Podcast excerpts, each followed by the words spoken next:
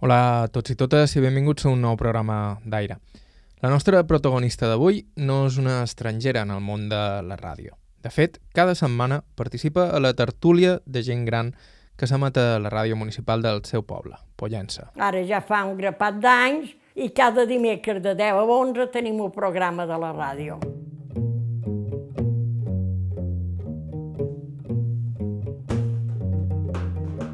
La pandèmia ha desbaratat la rutina radiofònica com tantes altres coses, però a la nostra protagonista li agrada tant això de la ràdio que ni se li passa pel cap deixar-ho. Són cinc ara, un temps eren més, però eh, hem arribat a quedar cinc, majors com se suposa, tenen tres telèfons i entrant tres, quan se retira un entre l'altre, i m'agrada molt. Jo sempre he dit serà el darrer que deixaré. Així no és tan agradable, però eh, quan anàvem allà sí, i continuàvem, que tot ho celebràvem. Uh, també ara hem de fer ara faré una cotxa. Ara demà, la directora, na Joana, vendrà la cono, explica-mos això. Ai, doncs, eh, jo duré una cotxa, i jo duré això altre, i sempre celebràvem. I uh, són com molt amics, molt, han creat una amistat molt bona. Antònia Maria Boussà, que així és com es diu, va néixer a Pollença l'any 1931 i va ser una dona en cert sentit avançada al seu temps, professora d'educació física que agafava cada dia la seva moto per anar a donar classe i que s'ha mantingut activa tota la vida.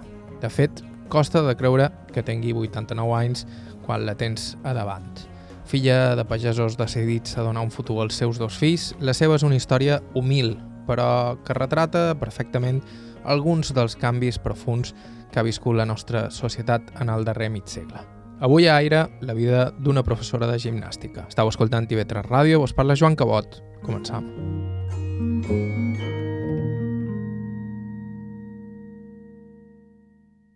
I ho fem, com sempre, amb les presentacions. Som n'Antònia Maria Bausà Plomer i tinc una data de naixement molt curiosa. Vaig néixer dia 31 d'un mes 1 de l'any 31, tot amb 1. I si he comprat una loteria que va amb un, no he guanyat ni un reintegro mai. És dir, que l'un no és la meva sort, però vaig néixer dia 31 d'un mes 1 de l'any 31, és dir, que tinc 89 anys fets.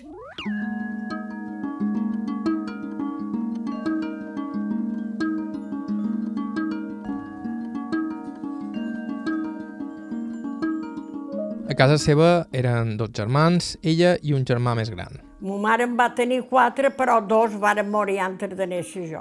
Un va morir en uns quatre anys que li deien la enfermedad azul, devia ser una espècie de càncer, a la sang se li cristal·litzava dins les venes. Li feien una transfusió, quedava bé, però en un dos dies se li inflaven, sobretot les mans i un bracet, i li tornava blau, la la enfermedad azul. I li tornaven a fer una transfusió, li treien la sang i així. I la nina no, la nina va morir d'una meningitis en 3 o 4 mesos. Jo no, que el mateix que ella. Perquè la meva predina, la mare de mon pare, va morir, per cert, eh, un, mes, un mateix mes que jo vaig néixer, i va dir mon pare, ja que se n'ha, se'n va una tonina, i se n'ha anada una, torna-li a posar. I, i me van tornar a posar el mateix nom. L'altra germana havia anat a dia 14 de gener, i jo vaig néixer de l'any 30, i jo vaig néixer dia 31 de l'any 31. En què se dedicaven els vostres pares? Bueno, els meus pares eren, com a molta gent de poble, pagesos, però varen tenir una botilla que deia, llavors a les botilles no hi havia colmados, a les botilles hi se venia de tot. Cafè, arròs, sucre, vi, eh, especis, xocolata, galletes. En aquell temps se venia de tot.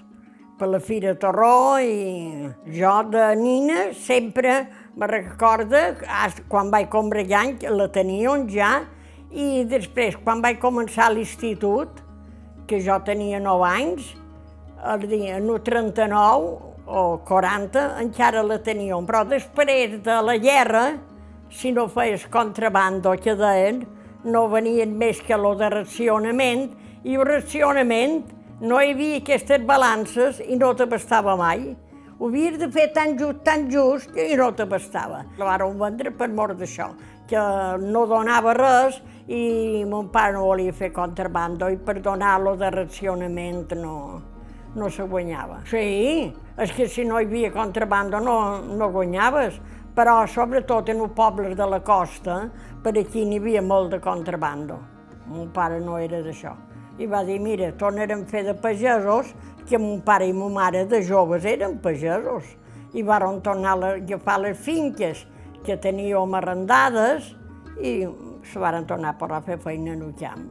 El meu predín tots eren pagesos i nosaltres vivíem aquí a la meva predina. Primer vàrem, la vàrem arrendar en aquesta casa perquè tenia la botilla una casa més amunt.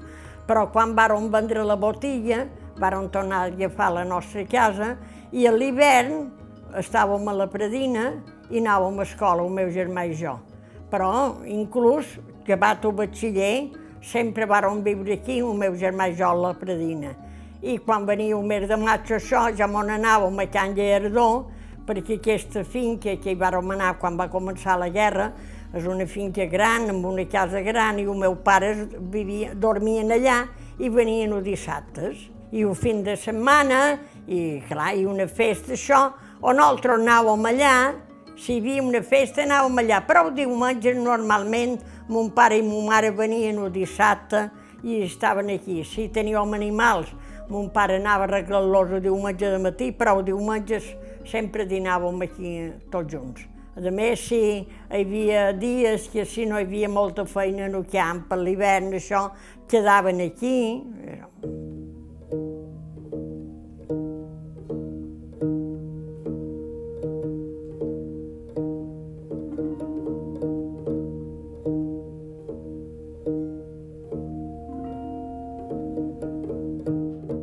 Antònia era petita quan va esclatar la Guerra Civil, només una nina, així que no en té molts records, només que la família es va traslladar a una finca lluny del poble per estar més segurs. Sí, aquí hi va haver uh, perseguits, perquè n'hi va haver que em varen matar i em varen tancar, això sí, va haver un pot de moviment, però jo era tan nina que no me recordo això. Jo me recordo que quan va començar Tenim una finca davant del camp de golf, que li deien Can Lleardó, i la teníem arrendada, claro, teníeu la botilla, i m'on vàrem anar a estar a los que cuidaven la finca.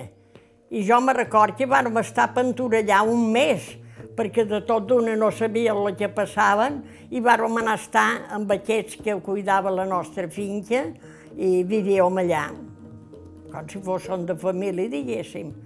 Llavors ja vàrem tornar aquí, anàvem a fer cola per, per upar, aquestes coses, el que va ser després de la guerra. Els pares d'en Antònia eren pagesos, però d'aquella pagesia que tenia clar que volia que els seus fills tinguessin estudis, encara que això suposés un esforç considerable a nivell econòmic per a aquella gent. Mon pare i ma mare, eh, jo sempre dic que varen ser adelantats perquè en aquell temps la gent no estudiava la gent eh, anaven a costura o a escola, les nines a costura, i us al·lots a escola, i quan tenien edat de fer feina els aparaven a fer feina. Jo me recordo que a final, en el setembre això, passaven a lotet de la meva edat, que se n'anaven a coir garrobes i meles per Can Bosc i jo me feien una enveja, perquè jo m'he agradat anar-hi, s'enduien un dinar i jo això me feia il·lusió i, i no estudiaven, la veritat. I mon pare i mon mare varen trobar que si volíem estudiar era més interessant estudiar i mon pare m'ho deia, sí, aprofitava temps, farem un sacrifici i estudiareu. El meu germà no va acabar la carrera, li costava més, va estudiar a Salamanca de Bollat i jo volia estudiar farmàcia, però mon pare m'ha dir, jo vaig acabar el batxiller l'any 48, per estudiar t'anar d'anar a Salamanca amb en Miquel. I jo, la meva idea era anar a Barcelona amb els meus companyeros de curs, que eren Tomeu Boader, de Maricel, i un altre, en Joan Cifre, que va estudiar de metge. I com que mon pare m'ha dit, no, a Barcelona no hi aniràs. I vaig dir, doncs estudiaré. I no vaig estudiar cap carrera. I llavors, no sé com va ser, ens van dir si volíem fer un curs d'educació física Això era a través de la secció femenina.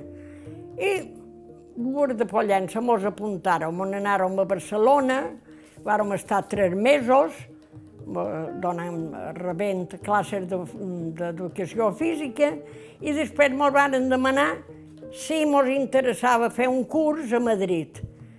I jo vaig dir que sí. Això m'ha agradat, la gimnàsia, i varen dir, n'hi pot haver una per cada 10.000 habitants, que era el llar de Pollença. I jo me'n vaig anar a fer aquest curs perquè tenia el títol de batxiller.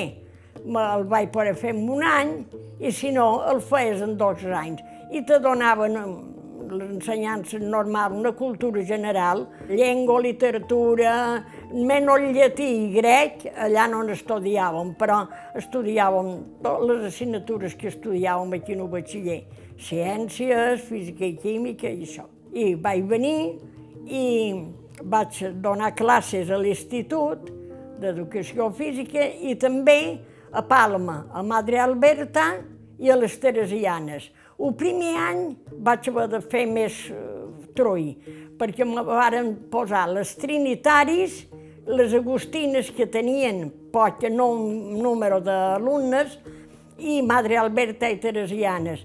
Però llavors aquests dos centres m'ocupaven molt, perquè jo també volia dos dies. Jo me n'anava dilluns de matí i tornava el dijous hora baixa. I el dijous mateix ja anava a l'Institut de Pollença, que no era institut, que era un centre, primer va ser homologat, adoptat totes les fases, fins que va arribar a ser institut, que, que, que jo ja feia moltíssim d'any que hi donava classe, i el fin de setmana donava classes a Pollença. I així ho vaig fer set o vuit anys. Llavors ja m'he quedat aquí, perquè mon pare i mon mare, mon mare ja van tornar majors, la meva predina se va morir, i el meu germà estudiava, i jo ja me vaig quedar aquí. Ella va entrar de professora... L'any 53. L'educació física, bueno, jo, perquè tenia el títol, se deien instructores generals, no m'orden. Jo, per tenir el títol d'INEF, en realitat me faltarien vuit assignatures, però eh, hi havia una assignatura que l'havia de fer oficial, no la podia fer lliure. I ho vaig deixar anar, perquè aquí a Mallorca hi havia falta de professors i, i la plaça la vaig tenir fins que me vaig jubilar l'any 95, és a dir, que vaig donar classes sempre a Palma i a Pollença, i un parell d'anys a Llum Major. Anàvem a les escoles de primera ensenyança, els ensenyàvem una taula de gimnàsia, sobretot per de cara en el final de curs, i llavors ja no, eh, era massa trull i vaig quedar Teresianes, Madre Alberta i l'Institut de Pollença. I en el final, Institut de Pollença tot sol. A mi m'agradava molt. I me n'anava amb moto a Palma, jo. Eh? Jo... L'altre dia encara una senyora comprava un súper i quan jo me'n vaig a Benada va demanar la que me despatxava. Eh, diu, aquesta senyora, que ara és de Pollença, diu sí, diu, va ser professora meva. Diu, què vol dir? Diu, sí, ella no m'ha conegut, i a més, ella devia saber que jo, però jo amb tantes alumnes, a Mare Alberta hi havíem que era molt de gent, i diu, i venia en moto, diu, era molt lançada, i m'ho va dir, és vera, i me n'anava a Llum Major, o dilluns i o dimecres de cap vespre a donar classe i me'n tornava a quedar a Palma. A Pollença que jo recordi eren 4 o 5 de dones que tenia un moto. Recordau que en un programa anterior vàrem parlar amb una altra mestra pollencina, Maria Martorell Palou, nascuda alguns anys abans que en Antònia i també motorista. De fet, aprofitant per recordar-vos que si voleu escoltar qualsevol dels nostres programes anteriors, us podeu subscriure al nostre podcast a qualsevol dels agregadors disponibles com Apple i Google Podcast o Spotify. Apoyant-se, però, potser no destacaven tant les dones en motocicleta, perquè, malgrat ser un poble relativament recollit, sobretot superats els anys més durs de la postguerra, era un poble culturalment bastant actiu. Era un poble, Pollença, que sempre ha tingut ambició cultural. Hi havia molta cosa, hi va, se va d'en pintura, i va a l'escola pollencina perquè uh, va venir, varen venir un pintors, els va agradar, ja se quedaren aquí, i, hi havia molt d'actes culturals, després darrerament ja se van fer uh, un, un concerts de l'estiu, concerts musicals, i sem sempre hi ha hagut un ambientat així. El que passa que quan jo era nina, tot això no era, això s'ha anat desenvolupant després. Sí, sí, sempre hi ha hagut aquest moviment que diguéssim un poc cultural. I encara ara hi ha moltes conferències, cursets i se fa cosa. Com a poble, jo diria que és un poble un poc adelantat, perquè no és un poble d'aquells tancats, no. Mm, som oberts, a més tenint un moll, el turisme també ens va donar eh, amplitud de, de mires. La família d'en Antònia no tenia casa al port, però ella hi anava molt sovint igualment. No hi passava l'estiu, però cada, inclús l'hivern, o diumenge, si no anàvem al cinema, on anàvem al moll, perquè hi havia un servici d'autobusos que anaven cada hora, la gent tenia molta relació. Quan jo ja era però bastant gran, de, de joveneta res, de, de, de nina, diguéssim, jugàvem per un carrer, hi havia molt poques coses, però llavors, llavors es feien ball a l'Iro i a Nucatur, dos bars que estan a, a la primera línia, hi havia balls de cap vespre, però no hi havia ambient, les al·lotes no solíem anar a bars. Llavors ja se va obrir un poc, a causa del turisme i això, ja varen començar a anar-hi, però quan jo era, no ja nina, més això, les, no anàvem a bars. Les dones no, però els homes sí. Hi havia els cèlebres picadors, que deien que a l'estiu les parelles de, de nòvios se barallaven perquè venien aquestes estrangeres i se n'anaven amb elles, i quan elles se n'anaven, que acabava l'estiu, tornaven a anar les al·lotes. Venien, clar, eren més obertes, venien totes soles, jo crec que també, a lo millor, les mallorquines o espanyoles, Simona ja som anat lo que en aquell temps no sortíem. En aquell temps, per sortir, eh, havíem d'anar acompanyat de pares o el que sigui. Jo sempre m'ha agradat sortir, però jo sempre dic, jo sempre vaig anar a Madrid perquè hi havia un metge que estava destinat aquí i quan tu fills varen tornar grans per anar a la universitat, son pare va demanar per anar-se'n a Sant Martín de Valdeiglesias i compraren un pis a Palma i les meves sortides eren les vacances de Nadal. El dilluns de Nadal me n'anava a Madrid fins al dia del Reis i el rei tornava. Això eren les meves sortides, perquè no, no estava, en aquell temps les al·lotes no sortien.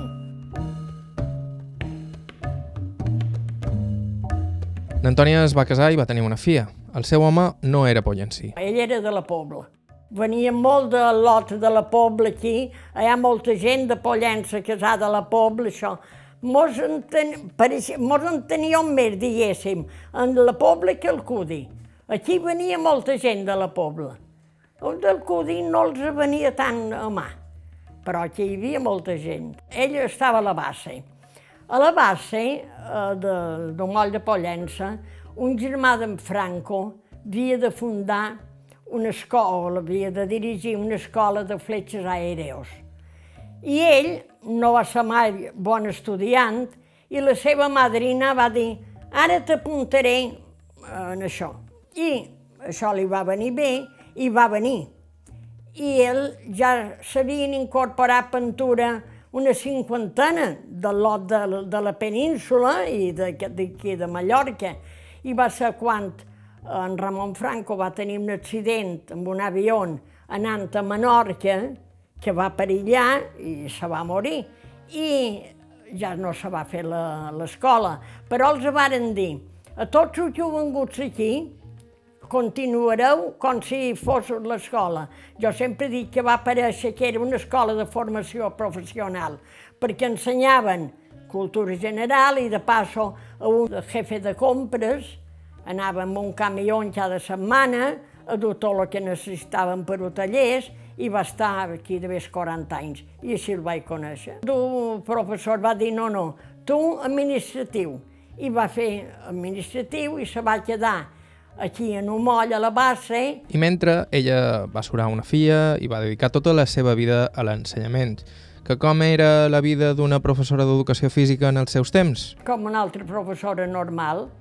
Anàvem allà i bueno, jo vaig fer fins l'any 95, el que també vaig fer, perquè quan tens una certa edat ja no hi va, hi va venir un professor titular, en Joan Forcada, molt amic, i ell ja va agafar cursos superiors i jo me vaig completar l'horari amb guàrdies de biblioteca i treball manuals. Que entre aquest treball manuals hi havia classes de cuina i fèiem això, i molt bé. A més, en aquell temps a l'institut érem una trentena de professors i érem com una família.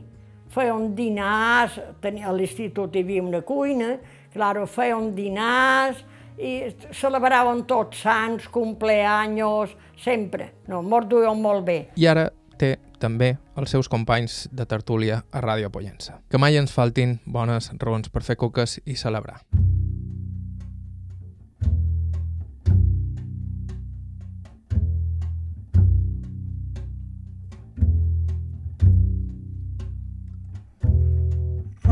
Fins aquí el programa d'avui. Gràcies a Antònia Maria Boussà pel seu temps i amabilitat i gràcies a Tomeu Barceló, que va ser qui ens va proposar entrevistar-la.